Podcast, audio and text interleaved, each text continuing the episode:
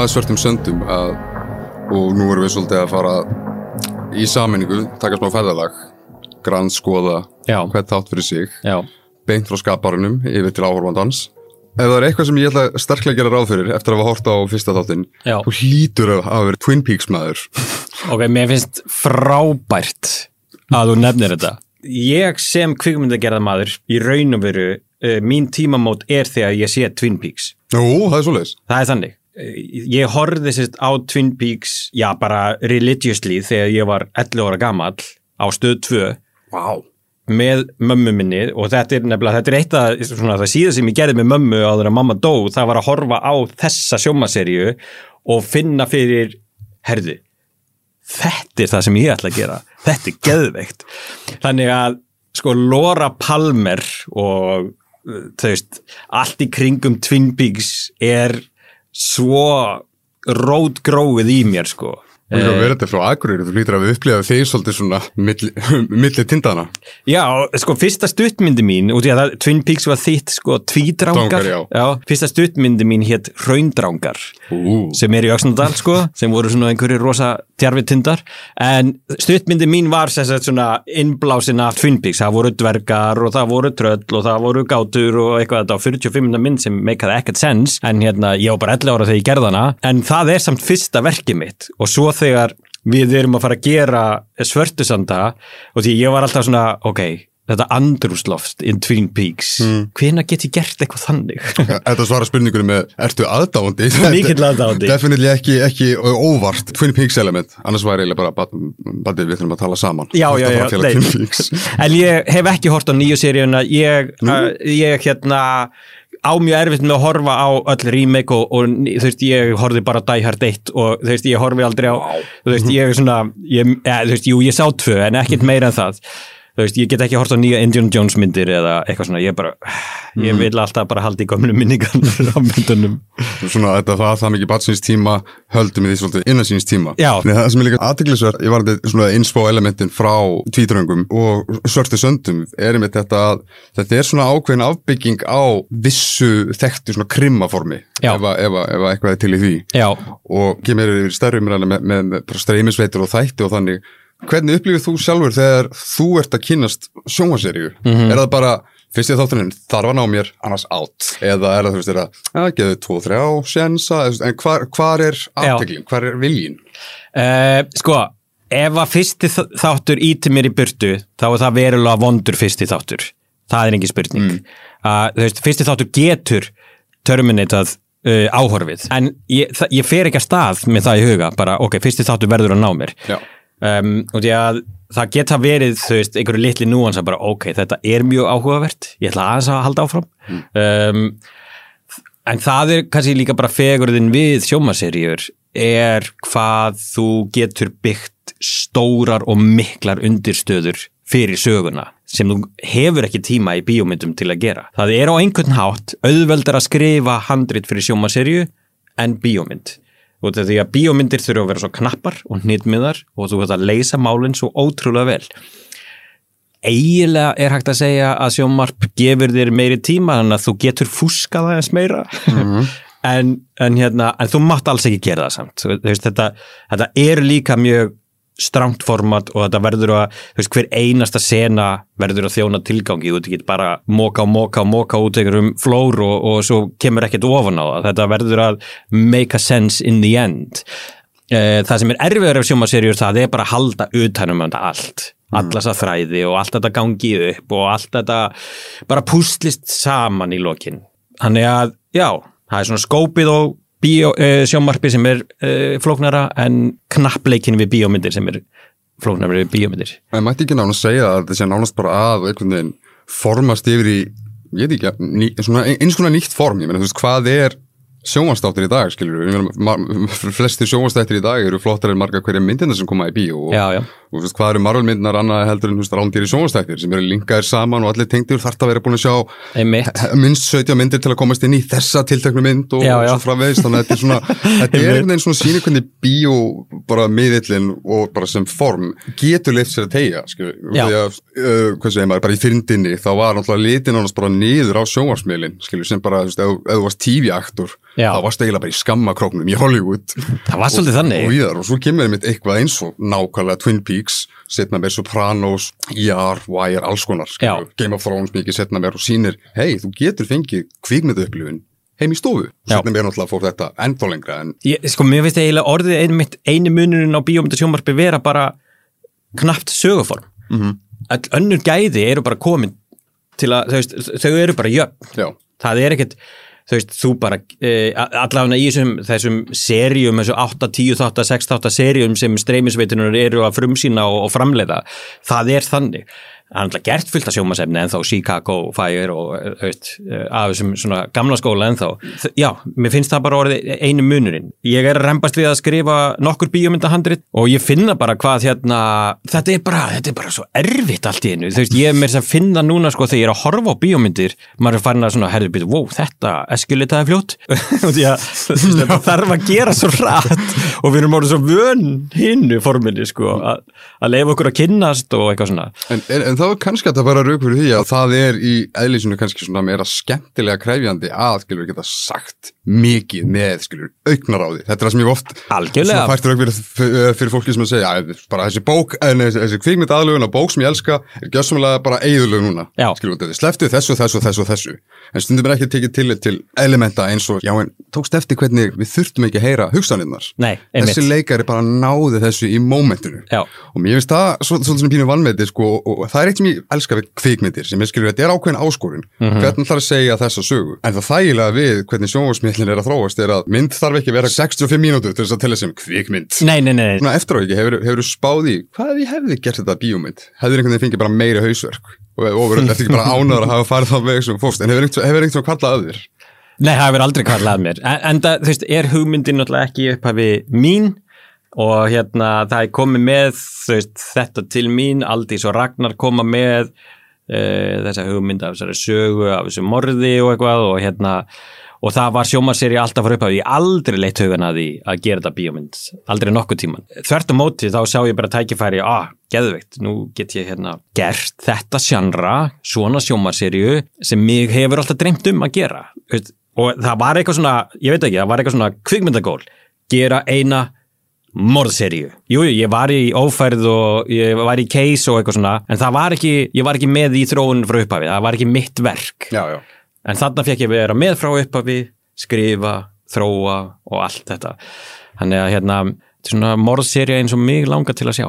fyrst að við erum líka að fara svolítið við fyrsta þáttin að þetta er eiginlega besti tími til þess að fara yfir akkurát upphafið. Er það ekki rétt skilja að, að skorið var svolítið til samhliða handelskrjónum? Jú. Þannig að upphafið var mjög svona sitt eigið. Já, algjörlega. Ég nálgast tónlist alltaf mjög snemma í ferlinu. Uh, mér finnst það ótrúlega gaman. Ég fór til Péturs á mjög svipu tíma og vorum að byrja að skrifa handritið, fer svona leifonum, gefunum svona tilfinningunum fyrir því hva, hvað ég ætla að fara að gera og það er svona fyrsta nálgunum okkar er alltaf að hérna, Pétur Jónsson sem, sem býr til skorið fyrir Svörstesanda, það er að finna hljóðheiminn, hvers konar hljóðfæri er þetta og þannig að maður er að svona reyna að svona mm, fæða honum einhverja svona hugmyndir um atmó og, og hvers konar saga þetta er og leikstíl og tempo og allt þetta. Uh, og svo lesa hann veist pilotinn og, og hérna og þá byrjar að fæðast svona þessar, þessi uppastega hann sendi mig 35 mínútur af svona breyti tímalínu og svona þryggja fjármyndan fresti þá bara breyttist stefið, þá kom bara nýtt og nýtt stef og ég hlusta á því gegnum þetta stef og það var eitt stef sem bara gjörsamlega bara neldi mig. Ég bara, þetta stef er serían, this is it. Uh, á meðan við vorum að skrifa og leifa öllum að lesa í upphafi þá bjó ég samt til playlista það var aðalega byggður á músík frá Trent Reznor og sendi á alla, alla sem lásu, allir sem unnu í verkefninu fengu þennan playlista og sagði þeim þetta er tilfinningin sem við erum að fara að búa til Býti, býti, nú er ég að spyrja hvaða Trent Reznor. sagt, m- svona hans skor úr hans bíómyndum sem Bara, bara bíómyndum almennt. Þetta var, ekki, þetta var ekki bara eitthvað svona eitt ákveðið saman. Nei, nei, nei, nei, þetta var alveg svolítið góð kategória uh, af Trent Reznor-lögum og pluss eitthvað annað með en, en svona undirstaðan var Trent Reznor Mér ámar ég að þú hefur myndi gert þetta líka áður eins og með bara, þú veist, það er eitt ákveðið lag sem enginn óróa til dæmis og úr. Er það ekki svolítið þannig? Jú, þú jú, verður jú. þetta innvinklarinn í tónlistarheiminn líka að Jú, ég, ég, það, þú veist, eins og Skinny Love um Bon Iver var svolítið óróið fyrir mér. Alveg, já, það. Var svona, þegar ég heyrði þetta lag bara, já, heyrðu, þetta er tilfinningin fyrir þá mynd og eitthvað svona. Að vinna tónlistinu í að það sem ég græði á því er að þegar ég fer í tökur, að þá er ég komið með fullt af tónlist og ég get, þú veist, ég dreif þessu til leikarana, þeir eru með þetta í, í eironum, þeir eru að hitta upp og undirbúa sig og allir er einhvern veginn alltaf í sama gýrnum og því að sko leikstjórn einn af svona stóru hlutunum sem ég sem leikstjóri fókusur á það er að við séum öll saman í nákvæmlega sama skipi að sigla í nákvæmlega sömu átt. Það er svo erfitt ef að fólk er ekki sammála um verkið sko og þá er ekki að tala um að það sé eitthvað viljandi gert. Það er bara rosa mikið að útskýra fyrir öllum þannig að allir séu með nákvæmlega sem er myndin í huga, bara ok, já, þetta er svona seria og þetta á við leikstíl og, og kveikmyndataka á tónlistur að ganga saman og, og hérna leikmyndbúningar og kveikmyndataka þar að líka að ganga saman, þú veist, hver er litapallettan og allt þetta. Mm. um, þannig að að hafa músíkina alveg frá upp að við frábært og ég tala ekki um þegar klipparinn fyrir að fá efnið og við erum farin að gera einhverjar senur og hann er að senda mér og getur sendað líka bara með hugmyndir á skori og eitthvað, þetta er alveg frábært. Þannig að þegar voru komin á klippistík þá voru við komin alveg með hauga lögum og þetta lag sem Pétur sendir sem ég fílaði mest endaði sem í raun og veru aðal þemalægið fyrir hlutina þegar þau fara að revílast fyrir okkur hvað er að gerast. Þannig að svona, hvað er að segja, þegar the dark side sínir sig, sko. Gýrandi skiptast. Þegar gýrandi skiptast, já. Það er bara kjarnir fættur í rauninni, á besta tíma. Á besta tíma, mm. algjörlega. Þú veist, byrjunin á seríunni, þú veist, þetta, þetta hérna, stóra skot þegar við erum að fara hérna spírala niður hann eftir ströndinni, að ég vildi, þú veist, gera Ulriku bara að okkar Lóru Palmer bara hérna, hvernig, hérna en samt ekki herm eftir David Lynch. Nei. og, og það, þessi mynd af ströndinni og sjá þennan gula litla jakka þarna. Mm -hmm. mjög finn sér og fara síðan inn í þetta hrjóstu og umhverju og þetta, þessa öskrandi öldur og allt sem er í gangi hana, þetta, þetta, bara, þetta setur andrúsláttu svo mikið. Þegar ég var búinn að hérna teikna upp þessa byrjun sko þegar ég var að útfæra seríuna, ekki út frá handriti heldur að gera svo mikið frá handriti yfir í útfærslu að þegar ég áttaði mig á því að, að Pétur þyrrt að gera combined score alveg fram yfir titilinn þegar kemur svörstu sandar skiltið. Þar myndum við enda þennan fyrsta scorebút og því að þar ætlum við að búa til í raun og veru bara að áorðin sæti eftir þessa fyrstu átta mínútur. Ok, þetta er ferðalagið sem við erum að fara í og líka að svipa og hún nefndir á með að þú veist gera þína útgafi að morsugu mm -hmm. eitt sem ég tók eftir einmitt sem var einmitt svolítið skýrt frá byrjun er að, eða kannski tengist því að ég er venjulega ekki droslega hrifin af morðsugum, minni morgátum það er oftast í raunni svipum ástæðum ég fíl ekki svona lögfræðstofu þætti eins og skilur, eða eitthvað sem er bara svona procedural, alltaf sæði alltaf bara svo sama, en nýtt í hverju viku en samt í rauninni að sama, Já. og það sem ég tók eftir strax bara með þess að eftir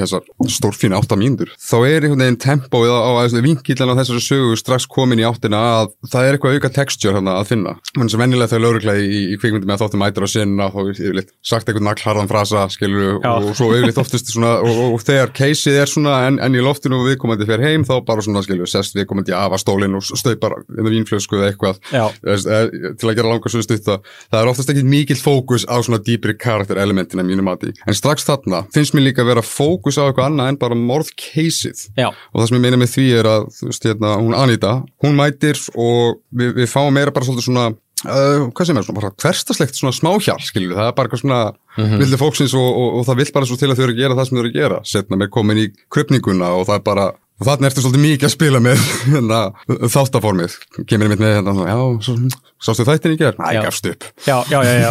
og, og það er svo gaman að, að, sko, við vorum alltaf að tala um það, sko, að, hérna, í, einmitt í útfæslunum og, og yfir æfingatímabilið er, sko, hérna, ég var það bara, ok, hérna, uh, þetta er fólk, það vil svo til að þau eru að vinna hjá lauruglinni, en við verðum að gera það þú veist, alveg jafn áhugavert ef það væri bara fólk að vinna á kassagerðinni eða bara hver, hverju Mhm. sem er að, að tungumálu þeirra gerir þau ekki af lauruglu fólki Mhm. að allt sé einmitt í einhverju svona frösum og, og e- e- einhverju þannig Mhm. þannig að það var alltaf markmið alveg frá upphafiði að hérna að ná í personuna strax og þú veist, við sjáum strax á milli Anitu og Ragga, hlýin er að það er saga hana bakvið þau sem er þú veist, á eftir að segja betur.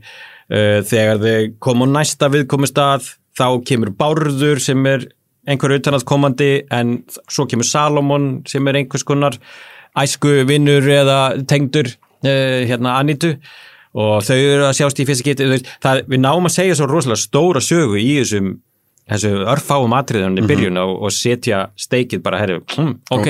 Við erum að mætinni líf fólk sem á raunverulega sögu og einhvern bakgrunn. Mm -hmm. þau eru ekki bara að mæta ströndina og, og rannsaka úlriku. Nei, það er líka að rannsaka skóna sem eitt og svír gefur til kynna ákveðna históri sem bara kallar er í þessum skóm Já, þetta er svona bandir sem maður skilur það er mikil saga bakvið, alveg svo það kemur síðan með svolítið mikil ljós þegar Anita er komið til móðu sinnar.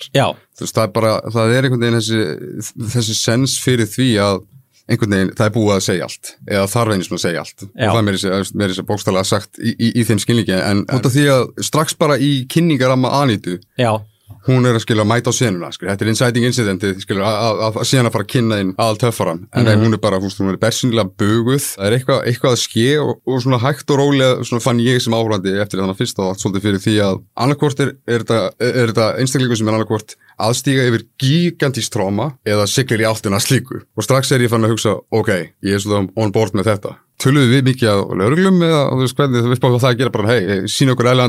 það Já, en hérna. einn á handriðsjónunum er lauruglumadur. Já, það er svo leiðis. Já, Ragnar Jónsson. Það hjálpar. Og Raggi er búin að vera sérst, ráðgjafi í, við kvimdagerð síðan í mýrinni.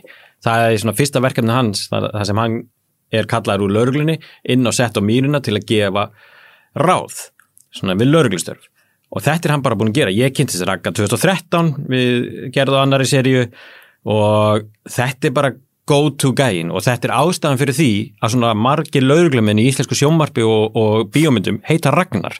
Um, og þeir eru bara ansið margir skal ég segja og þú veist hann heitir Ragnar í svörtusöndum hann Þór Túlinjus Talandi með Ragnar í mig, flestir eða margir hverju hafa öruglega vonandi sé þáttinn þannig að það verður svolítið gefið upp hvernig, hvernig hefur farið, en það eru nokkru spurningar sem ég hef vanandi Ragnar. Já. fyrir að fyrsta líka til að aðeins koma aftur inn á tónlistaraspektið, þáttun endar á sama lægi og sólusengur á honum kemur frá. Já.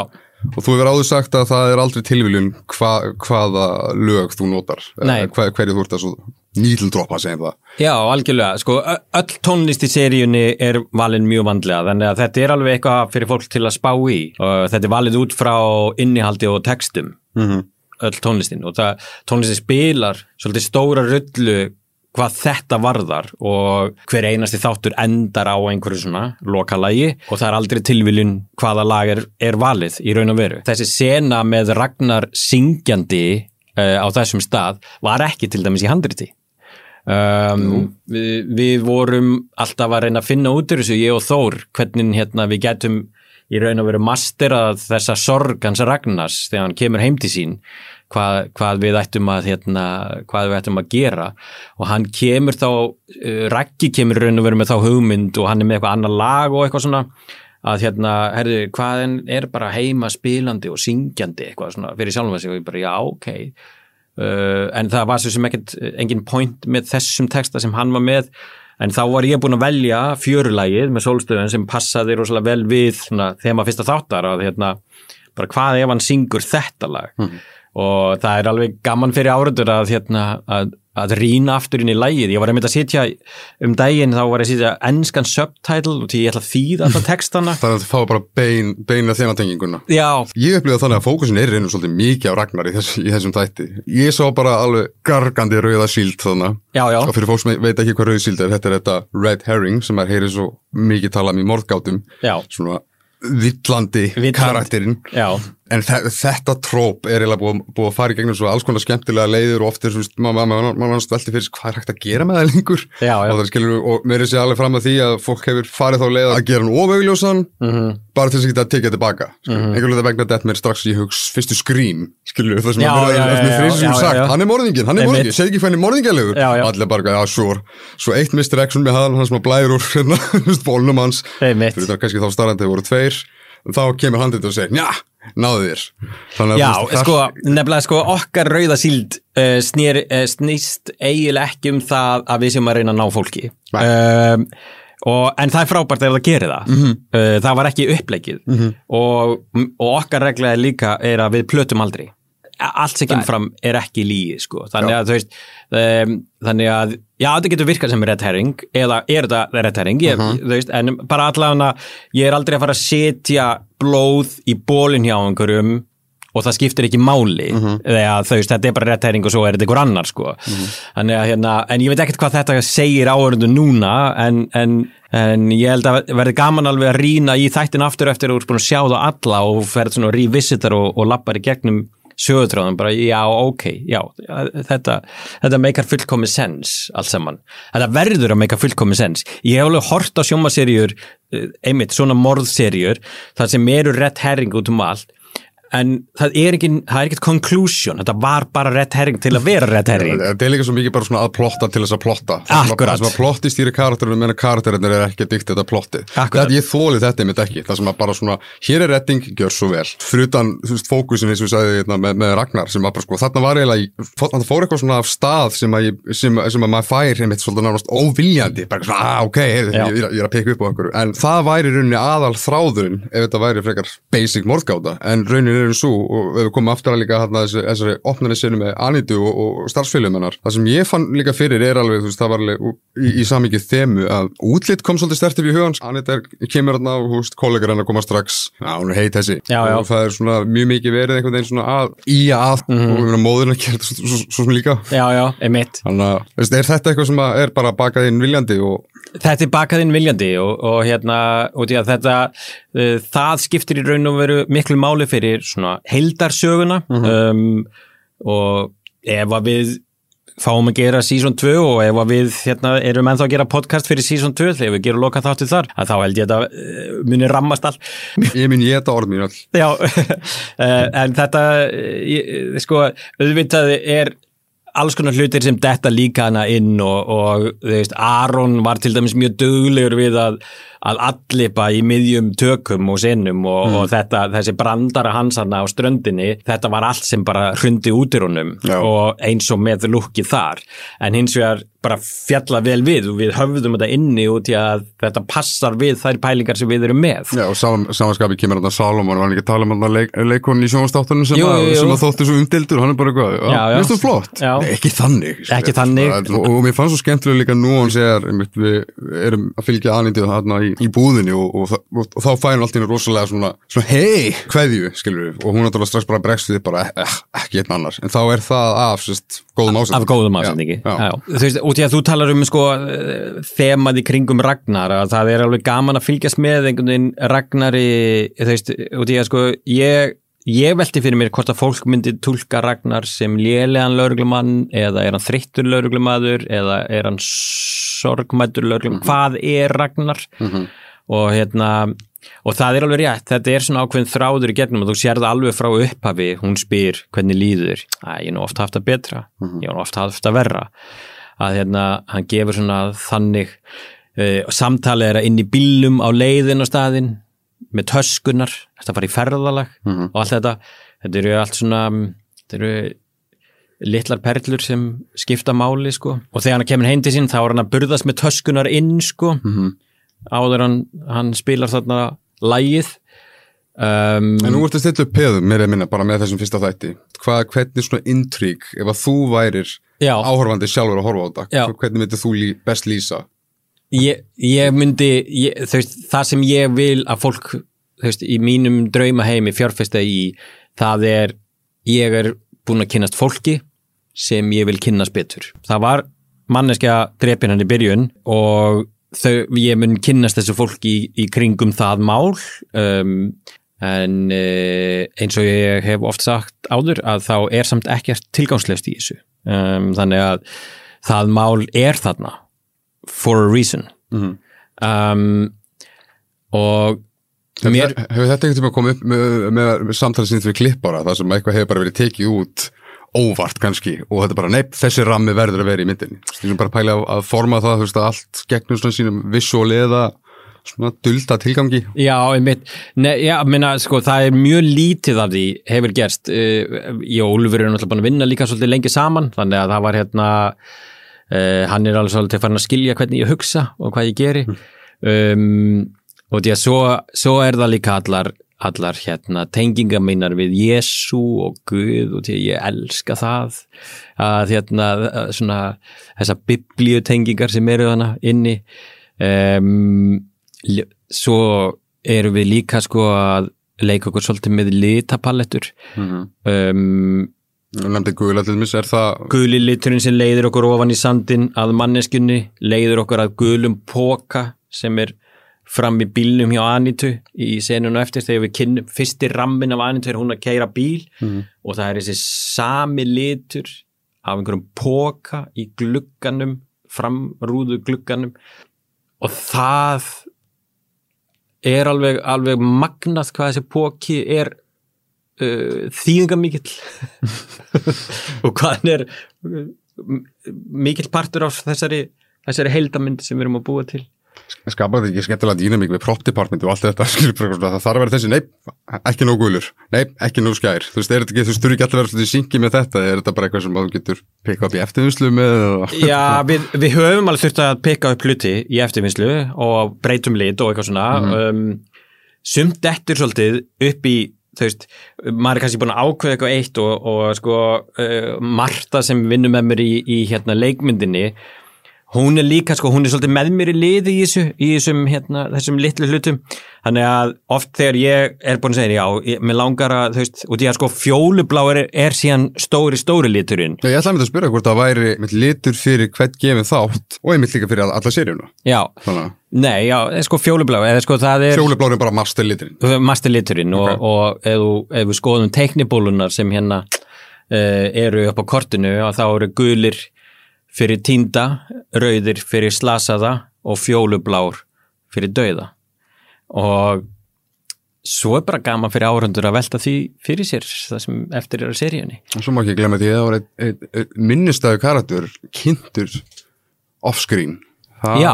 Þetta spilaði þetta aftur skemmtilega inn í, inn í, inn í umræðanum útlitt vegna svo svo ég myndi að Anita sjálfur svolítið reyna, já hvað maður segja svona, sækist í aðtegli einhvers sem að hún þráir emitt og hún gera með hverju? Og fær blammerandi höfnun. Hún fær blammerandi höfnun og, og það er sko uh, þessi karakter, Gusti sem hún tekur þetta samtalana við lokin. Við erum að sjá hann að senda skilabóð til hans fyrir þættinum þegar hún er hann eftir í raun og veru senuna þegar hérna, hún er búin að vera inn í líkhúsinu þá og sest hún á bekkana fyrir utan og hún skrifar skilabóðin ég er mætt, ég vona að þú sett hamingjusamur. Mhm. setna meir sendur hún skilabóðin ég sakna þín með brjóstamyndinni. Hættir við, sendir hana svo og svo fær hún bara já, Þannig ertu búin að, já, hvað minn góður, þannig ertu búin að hitta á sennilega einhvern mesta ósæða trigger. Samtímasögunar sem, Já. er- sem er passive-aggressive lækþumallin. já, akkurat. Það er gott drama í því. það er mjög gott rafið því. Uh, já, og svo fær hún bara þetta símtal það sem um, hann er að segja henni uh, að hætti þessu. Og hann sé að halda áfram með lífið sitt og hún er að halda áfram með lífið sitt. Og mamman sitjandi þarna á hleri með súrefnis kútin í næsta herbyrgi Mm. Gleimis líka bara svo oft hvað einmitt einfalda getur mikið gert, skilur, ímyndaðir ímyndaðir í, í, í uh, annari tímalínu, þú væri að skrifa það eða finnist þú vera knúið til að skrifa inn í samtal fyrir myndinni milli, milli hérna, steinunarólinu og, og, og aldísar. Þar sem að þú veist, það er að tala um súrumnisgrímuna þar sem að tala um alla þessar hluti sem það þarf að catcha upp á, skilur, það þarf að segja um upplýsingar. Já, sem að í rauninni, þú veist, engin heilstætt manneski myndi tala svona, þetta Nei, er bara nei, nei. það er verið að tala við ósynlegu manneskuna já, og ég elska þegar svona er gert vel svona svipa bæði með að bara senda þetta í vonu sett hamingisamur þú fær strax tilfinningu fyrir því að ok, þetta samtali búið að vera alveg mikið í gangi. Mm og þetta er raunin svona, já, og, fyrir þig sem bara handlisönd, hvernig og hvar á, þú veist, er ekki gaman svolítið að finna, ok, nú ætlum við að kynast þeim á þessum stað, Mhm. það, þú veist, það er ekki bara sagan sem við erum að fara, ferðalagi sem við erum að fara í með viðkomandi karakterum, heldur líka hver er farangurinn, Já. við erum svolítið svona fletta af bæði farangurinnum og frammyndin frammyndan og ég er enda bjóst ekki við því að við værum núna með tvær íslenska serjar á sama árinu það sem útlensk kona gengur skelkuð inn á sjoppu og, og beður um hjálp. Gerðist það líka í var ekki köllu já, já, já, einmitt, það er rétt. Þetta er, þetta er, þetta er, þetta er, er tróp sko, þú vantar bara þriðju og þú voru komið það voru komið þrennu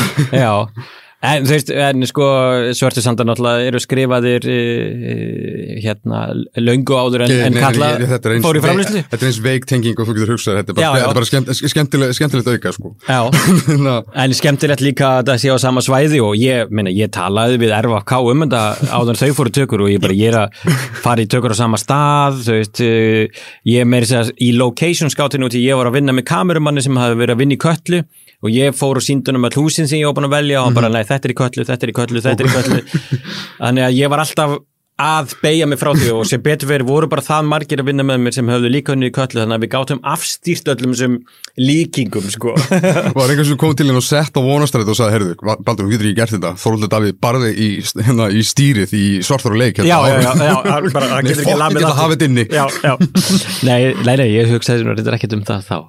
Um, en hérna, já, það er reyndar alveg áhugavert að hérna um, að hafa komið tvær konur og beðið um hjálp en að gjör ólíkum ástæðum mm. -hmm. með gera ólíku mysteríum já, með gjör, gjör ólíkum mysteríum var náttúrulega ekki að gleyma henni Fríðu.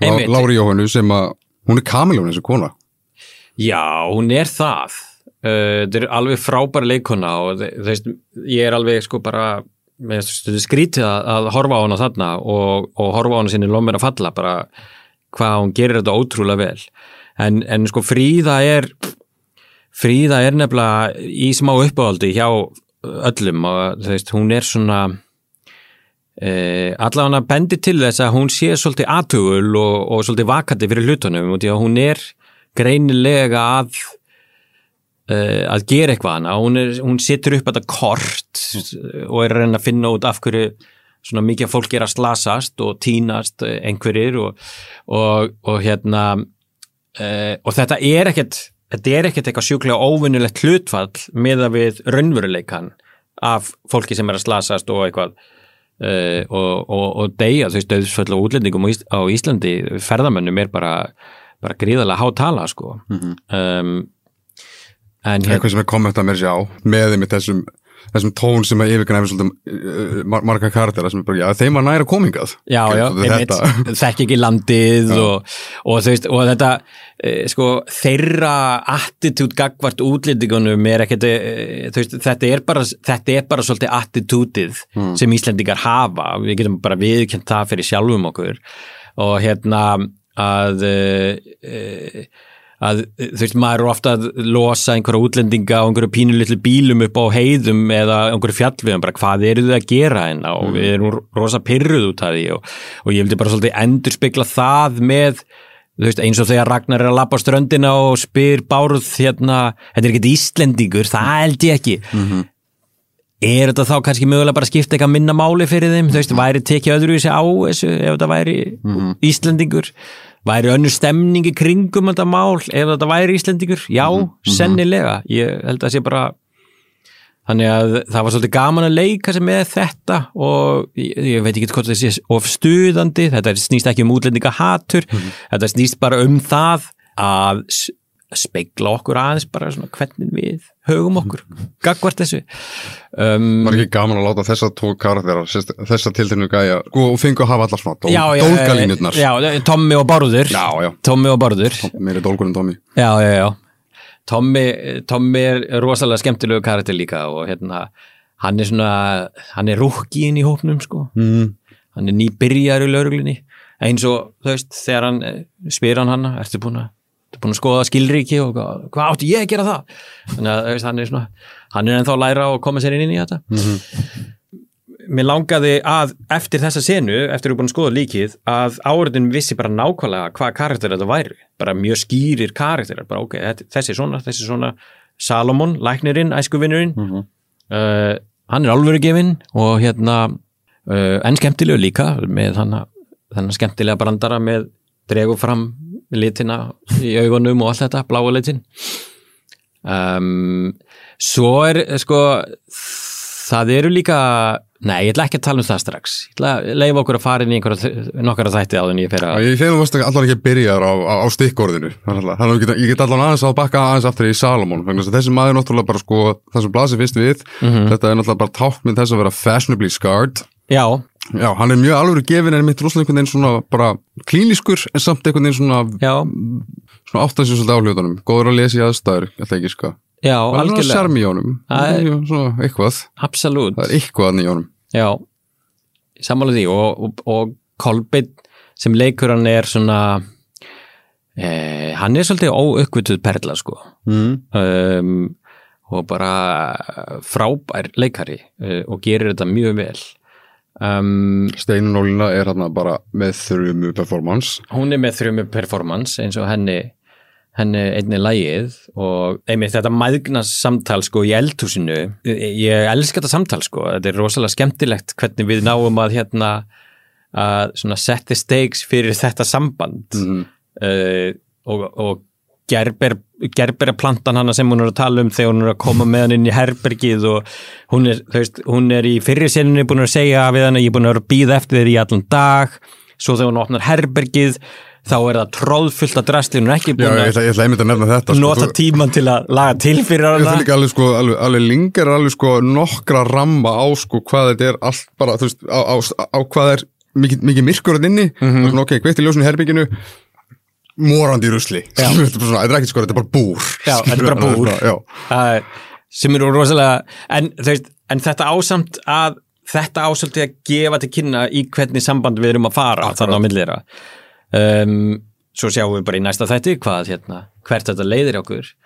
Um, en svo, já uh, ég veit ekki, þú veist ert þú sjálfur eitthvað uh, ok hérna, þetta er morðingin þú veist, hva, hva, hvaða tilfinningu labbaði þú með út af þættinu? sko mín fyrsta tilfinning var strax bara er þetta ógeðslega bersinilegt lélegt handrit eða verið að spila með mig akkvært vagnari Já, já, já.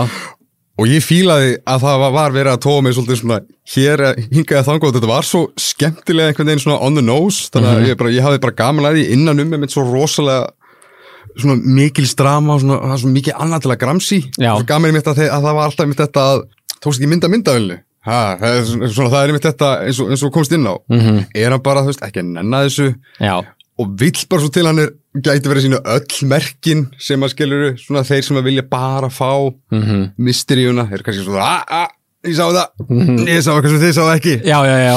Þetta er svona svipað það þarf alltaf að vera einhver manneski sem bendir á skilur, ha, sérðu hvað hann er að kera núna mm -hmm. sérðu hérna masterskotið, þetta er ekki sami, sami vegur Nei, nei, nei. en það sama skapi líka, já, bara mín tilfinning frá þessu er að það er eitthvað rosalega búblandi hjá Anitu og ég er til í það já.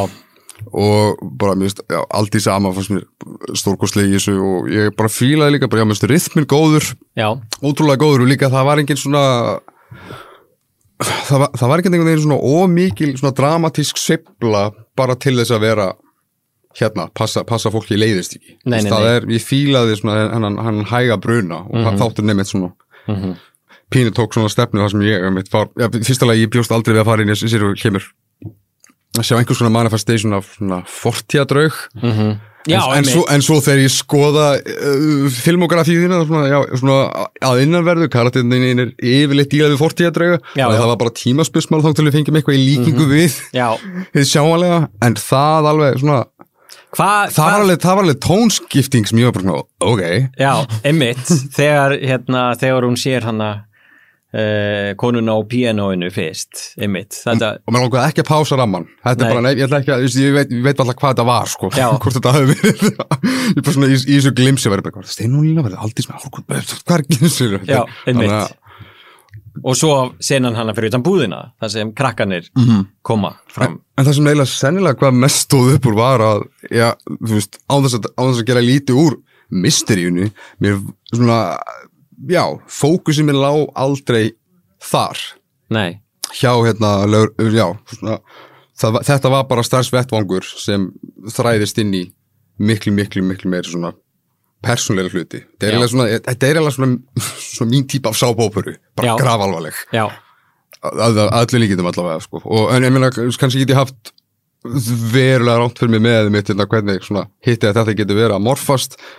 En það er áhugi til þess að vilja sjá hvað er mitt verið að fela þetta fyrir mér. Eins og bara til það að, þú- veist, útskýr út fyrir mig með þetta með litamótífið og segir mér að þetta sé viljandi gert. Já, þetta, þetta er mitt, ég elska allt svona skilju, og ég já. að þetta væri mjög finnsilegt það er vegna þess að þú veist, þannig er eh, bara bein tilvísin í kvikmyndina Zodiac. Já, frábær mynd. Og þar skilst mér ég þarf sennilega horfa Zodiac í tólta skipti til þess að algjörlega formfesta þetta en mér skilst þessi gulur í hverjum einasta ramma myndarnar einhver staðar. Já, maður hugsaður Zodiac, þú hugsaður alltaf stóra vískoti af taxanum, skilur gera þetta meðfram mhm, göttunum og, já, en þú veist og, og það er einhvern veginn, þú veist fólk getur náttúrulega bara uh, gramsaði hvaða túlkunum sem það vill, en mér finnst þetta að gefa mig þetta svona, þetta auka. Algjörlega. auka sem er líka bæðið þú styrkir hvað er að gerast að- innanverðu og líka hvaða vísbendingar er verið að leggja út fyrir mig sem ég kannski játta mig á. Eins og til dæmis núna með söngin um leiðum að sér að að, að, að, að, lægið kemur þetta stuttu eftir á. Já. það, já, þetta alveg kallar á Google-ið sko pínu. Og spekuleringar er svolítið líka. En þá getur líka sagt það að, að varðandi fjólubláan að þá ísóleru við fjólubláan þannig í seríunni að hann sést ekki neinu nema það sem hann á að sjást. Nú, ok Þetta var bara heilmikið vinna. Það bara mátti ekki vera neitt fjólublátt nema að það tengdist því sem við erum að reyna að gera. He- Hefur verið veltið verið með hvort þið fáir svona, svona mótvið bara, þess að fólk er bara svona, nei, ég vil meiri fókus á, á, á, á lögregli procedurið svo basically bara svona, ég vil meira af því sama Já, mitt, ég meina, það, það getur, ég veit ekki, það getur vel verið. Uh, oft eru sko kveikmyndir sem að veist kannski margir myndir kannski kalla brautríandi eða mistaraverka eitthvað í, annar augum getur bara verið skilur fratleiðilegt eða skilur bara skrítið. Mér finnst það það alltaf magna svona, að, þetta er skrítið mynd. Já, já, já. Ég hugsa alltaf ok, ég, ég til í skrítið. En, til í svo, skrítið. en svo þarf maður að muna að já, nei, skrítið er ekki allra. Og það, það er ok líka. Já, já, ég, veist, ég, held að þetta sé ekkert skrítin þáttur, sko, en hérna, en kannski hann er ekki conventional svona procedural löggu þáttur, en samt eru við miklu, miklu nákvæmari uh, í procedural hlutum sem lögga gerir, en þú veist, til dæmis bara þetta að uh, þegar þau mæla hennar uh, líkið Úlriku á ströndinni, kippaði hennar niður og stinga mælinu upp í rassin hefur einhvern tíðan séð þetta áður í sjómarpi Nákvæmlega þetta, nákvæmlega þetta ég vil óska að ég geti sagt já en nei, það er ekkert að koma á, á fyrra bræði Nei, ég, ég held og sko og bresku meðframlegendunir um, við okkur, þau, þau á handristíi bara af hverju eru þau að gera þetta? Og við bara, til að þetta er það sem er alltaf gert. Eh, það er alltaf aðtugað hitinn á líkinu til að geta reiknað út hvað er langt síðan að uh, manneskjan dó. Og þetta er leiðin. Þegar Raggi sagði mér þetta ég var bara e, þetta er að fara í seríuna það er bara ekki spurning, þetta er frábært. Það eru svona hlutir. Þegar þau eru að brjóta upp líkið og, í morginu og allt þetta, þetta er allt hlutir sem þau þurfa að díla við. Sko ég tók upp þryggja minna langa senu þar sem þau eru að klæða líkið úr fötun uh, úr, já, úr fötunum. Uh, ég gat ekki haft það inni og þau voru allan tíman að tala um þessa þannig sjómarsþátt sem hérna uh, þau byrja að tala um. Og málið er að þau eru að tala um ákveðin sjómarsþátt sem ég ætla ekki að segja hvaða þáttur er. Nei, ó, og, Mig- ég- og, grunar og það skiptir máli hvaða sjómarsþáttur er að tala um. Ok, ok, ok. En, ok, whatever. Back on board back on board. Já og þetta, þegar það brjóta upp líkið út í að sko það er eitt af erfiðasta sem þau gera það er að klæða líkin út í að þau eru öll stíf og eitthvað svona og þau reyna að halda öllu eh, sko in touch þannig að þau skemm ekki fötin út í að það eru sönnunugögn á þessu og þetta skiptir allt máli. Að endanum þú veist þá klippaði bara utan að þau náðu sig ekki af. Og þeir eru, þú veist, löggan og þetta lið þau eru ekki að horfa á lík þau eru að horfa á subject sem þau eru að vinna að. Þannig að stemningin er ekki ok, herðu, hún er dáin. Þú veist, það eru allir bara ég held að mér pasta rétt í gær. Oh my god, hvað hann vondur. Og svo brjóta þær upp líkið. Þetta er, þetta er svo skemmtilegt. Og alltaf við of auki sko eins og, eins og þeir svona þetta halda alltaf fyrir nefi oftast í myndum eins og sé að Já. gera þetta nákvæmlega í fyrsta skipti svona, þú- Já, já, já, akkurat, og, akkurat. og, og, og gert sérstaklega og, já, fyrtar mynd inn í þetta að það þarf að útskýra það sem að karakterar sé rauninu meðvitað, þú heilsar ekki við bara, bara blessaði vinnur, við hefum þekst núna í átta ár. Já, nei, nei, og það er hérna, er bara mikið erum við hefnir hérna hvern annan og það er svo til að við búum við hlera okkur öðrum nei, nei, þú ert að sína með þetta visuált. Og ég mér finnst þetta mitt ok, wow, í fyrsta lagi ég er að að melda það að sinni, við varum klift saman þetta löng. Þetta er rosalega Michael Haneke svona, bara að leifa hlutunum að gerast og sjá bara svona Já, við, stingandi hverstasleikan í einu grótesk nánast já, það, já, einmitt, það, þetta er svolítið þannig, en eh, við, við stýttum þá senu, þau eru bara hann að byrja, byrja klæðan úr og svo er klift yfir í það er líkið með sami punktu kemst til skila líka Algjörlega. Það- er svona, Algjörlega. en ég meina, er ekki líka þú veist, þetta, En svo var sko annað sem ég bæði hérna senan í fjörunni og senan í líkúsinu uh, það, það sem var útgangspunkturinn fyrir mig þegar ég nálgast að senur er það er að vera báðar að vera rómatískar og fyrir mér er það báðar rómatískar og því að eins og þegar hún sest í kjöldin á Salamón og hún segir hei, þetta er bara svo í gamla daga. Og svo smellur hún mynd af svöðusári í hásverðinum á Ulriku. Og þau flissa. Þegar Anita krýpur niður og hann er eitthvað er að segja hvað hann er gömul hún bara er ekki 25 ára eitthvað svo leiðis og hann svona þetta eru svona, það eru cute moments á millera á meðan við erum að fara í gegnum þetta. Grilla verið að byggja upp eitthvað sem hefur verið í gangi í smá tíma. Við erum að pikka upp þarna inn, skilur Við að Þeir pikka komið, þetta langt inn í daðurinn núna. Já, já, já, þú veist, já, eða þá eftir að koma í ljós, hva, hvar við erum að pikka upp inn í þetta. Þetta er líka sko, það kemur að þetta, er ekki svona lítið krefjandi kemistri aspektar til að, þú veist, einhvern veginn ná af leikurum. Hvernig hvernig, þú veist, hvernig, hvernig var undirbúningsferðli fyrir svona dæmi? Var þetta bara svona, já, það er bara þetta basic? Kynnisti, bara eða hangi saman? Eða skulle bara æfing, æfing, æfing? Já, nei. Þetta er sko að ná svona þessari dýnamík eins og þú finnir bara fyrir bara hérna, þetta er bara, þú veist, hérna kollegin sem þú sér okkur með einasta degi. Bara enn eitt líka færi matinu, enn eitt fiskurinn. Já, hvernig svona Hvernig er undirbúið? já, hvernig í rauninni þú veist mætið þú að setja og kemur þetta er fílingur sem við ætlum að ná sko, þetta er, uh, ég, ég bara fekk þau forréttið í þessu verkefni að ég, uh, ég náða æfa næru í 60% af uh, seríunni fyrirfram. Mm.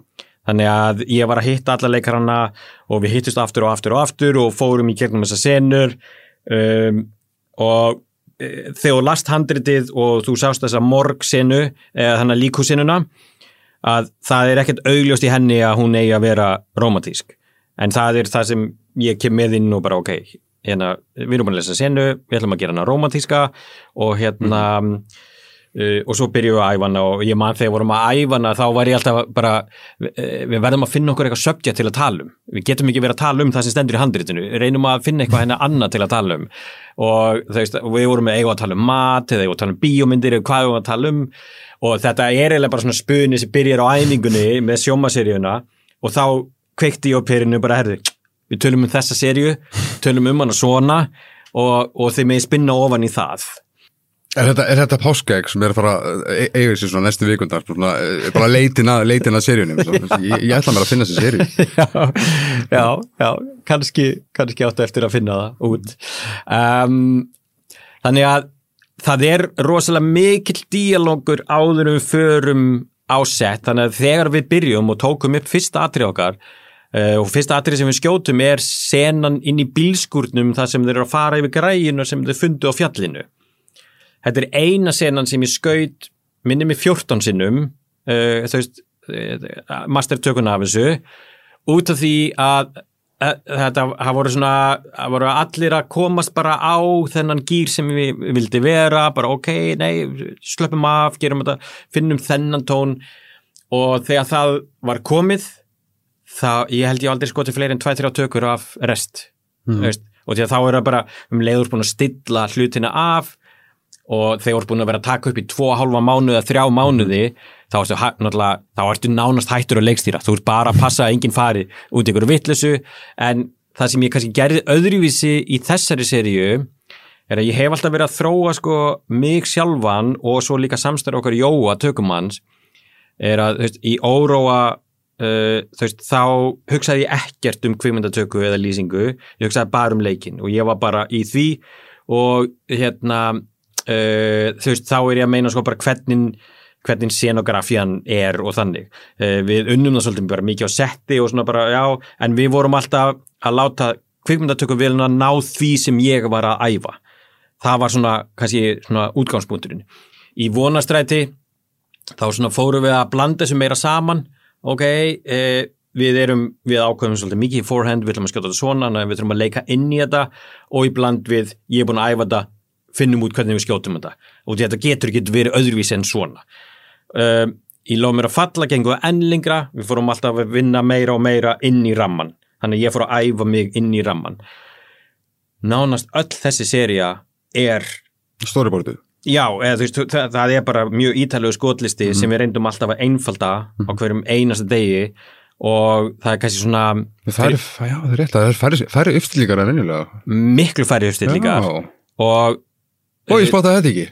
og sko líkillin er er að finna kameru uppstillingu eigða meiri tími það að finna réttu kameru uppstillinguna frekar en margar. Mm Þannig að við séum að fá sem mest út úr hverjum angul og hann sé að segja sem mest. Og það sem við gerðum, erum líka að gera er að, og áhverjum munum taka eftir í, að við byrjum mjög víðir og öndum þessu andrúslofti að okkur en hægt og rólega þá erum við alltaf að hverfa nær og nær og nær karakterunum og einhverju tímapunkti þá hættum við að vera steady og við fyrir að vera handheldir og við erum að kafa ofan í geðveikina. Um, Kamera snýst í ringi og leiðinni. Eða snið þarna með að við fylgjast, fyl- fylgjast með fjörunni. Er, er ósnemt inn í sérinu fyrir mig til að fara í, í þannig mikroanalýseringar? Þetta, er svona, hmm, pósterin er með uh, stóra ku- já, já, já, svona svér já, já, Já. ok. Það er Já. greinilega, mynd, já, ok. Það er, það, það er mynd, myndmála perismi að það sem ég, ég kann að með það Já, já, algjörlega, já, það, minna, það er ástæði fyrir spíranum og það er þetta er, þetta er ekki bara þú veist, það, sko, hvernig við segjum söguna með kamerunni er, það er bara mjög vel planað. Um, e, sko, hérna sá sem er, hann Lewis sem er að greita seríuna, hann sagði, ég hef aldrei fengið seríu með svona fáum skotum á æfinni þetta eru bara fæstu setup sem hérna, veist, það, það er rosalega fá setup. Ég held að séu ég, ég man að ég var í óferð eitt við gerðum 1400 eða 1500 setup með tveimur kamerum. Uh, ég, við náðum ekki 800 setupum í, í þessari seríu. Um, og þetta er ekkert eitthvað svona til að vera með fæstu setupin heldur var bara þetta hugsun. Bara, þetta- bara þetta virka fyrir söguna svona. Já, já, sem, Og- ég, sem ég mjög, já um, svipar svolítið til bara svona gamla skólans líka skilur Já, algjörlega, þetta þetta er svo skemmtilegt form Mhm. og, hérna, og það er svo gaman að vinna inn í þetta sko. Mhm. uh, og því að um leið og fer bara að covera þá verða hlutinni stundum svolítið leiðinlegir sko. Eða, þú veist, ég upplifið það það er bara, já, það er bara vít, nær medium, close-up Mhm. málu dött um, og því að það er hægt að nota kameruna í svo mikið. Það er hægt að gera svo mikið með kamerunni til að hjálpa sögunni sko. um, Þetta, dansa, þetta dansar allt saman. Þetta dansar bara, allt saman, Bara, bara með tónlistinu og þessu og, og þú þú náttúrulega ert mikið sérhæður í drama en það hljómar rosalega gaman á setti. Það er rosa gaman að setti. Og ég held að húmorun á setti hjá okkur er bara eins og húmorun hjá lauruglumönnum sem eru í erfiðum aðstæðum og þetta var líka svona í lof mér að falla við vorum alltaf að grínast og grínast og svo bara ok og það er senan það sem hún er að overdosa uh, og svo er bara það klárað og svo bara. Allir gráttu, Já, alltaf. Það er svolítið þannig. Aðeins með um Anítu, þú veist Já. það er krúsjál. Já, Hvernig var hún til? sko, Segð mér aðeins frá Anítu. Bara svona, Já. bara, veist, í þínum orðum og náttúrulega, ég vænti þess að þú meir ekki segja ómikið þannig að þetta er svona, hvar er Aníta þarna? Og hvar sérðu sástu fyrir að þyrta að negla algjörlega við sko hana á þessu tímpúti Já, meina, þú, ert, þú ert algjörlega búin að negla uh, sko sjálfur uh, að þú veist Anita er mögulega að koma frá einhverju tráma eða stefna hraðbyr í eitthvað tráma eða bæði.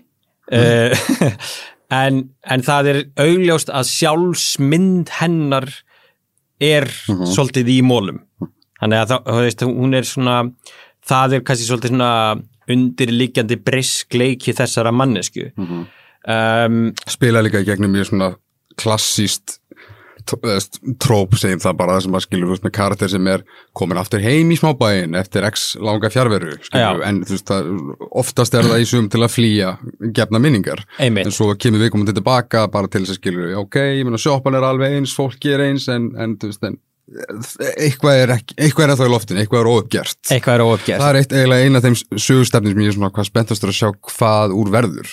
En- og það nú, nú er búið að gefa til kynna til þess að hérna, partí. Já, en það er kannski Og ég hef séð partí-sinnur í þínu myndum bæði vegi líka. já, já, já. ég er hún sérfræðingur í partísinnum en það er náttúrulega sko, sko stæsti kostur við Anitu og af hverju hún kannski kemur eh, svona fullmótuð inn í seríuna er náttúrulega að sko að Aldís er að skrifa handritið líka. Uh, við erum búin að móta hann karakter og við erum búin að vera að hnóða hann karakter í tvö ár áður við förum í tökur. Hún er með allan bakgrunnin í sko algjörum díteilum og þú veist, þetta eru, þetta eru forréttindi fyrir leikara að hafa allt þetta og hérna þegar vorum að skrifa þú veist, uh, að hérna uh, hún hlýfði sínum karakter síst af okkur sko. Og það var svo gaman og hún var svo til í tuskið sko með hann karakter. Og hérna um, þannig að ef eitthvað er að þá var ég stundum að reyna að rétta karakterinn af bara ok, ég, ég veit hann er fucked up en við skulum, við skulum aðeins laga á hérna. Og vel undirbúið. Já. En, en það er náttúrulega er geggjað fyrir hana og þetta er líka hennar fyrsta stóra hlutverk og, og hún er svo rosalega all in í þessu.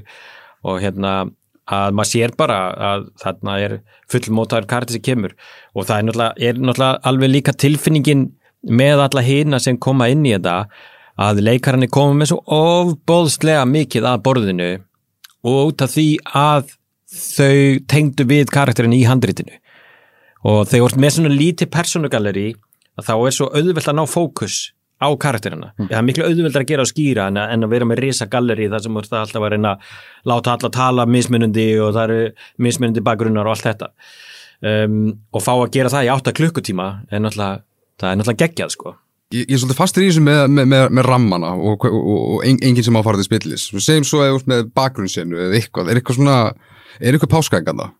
Er einhverju elementar sem eru, sem, sem eiga eftir að fá okkur til að hugsa, ó dö, ég hef þetta sjá þetta áður. Hvort sem það eru veggjaskraut eða, ég veit ekki, statist út í búð, eitthvað. Nú er, ég- ég að graspa.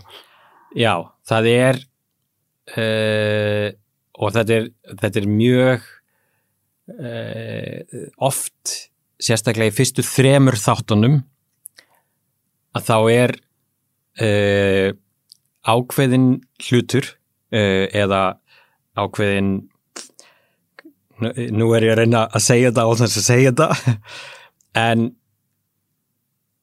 við í raun og veru leggjum allt á borðið í fyrstu þremur þáttunum Ég ætla ekki að segja meira. Ok, það er alveg orð. Þannig að það er næst. Yes, sir.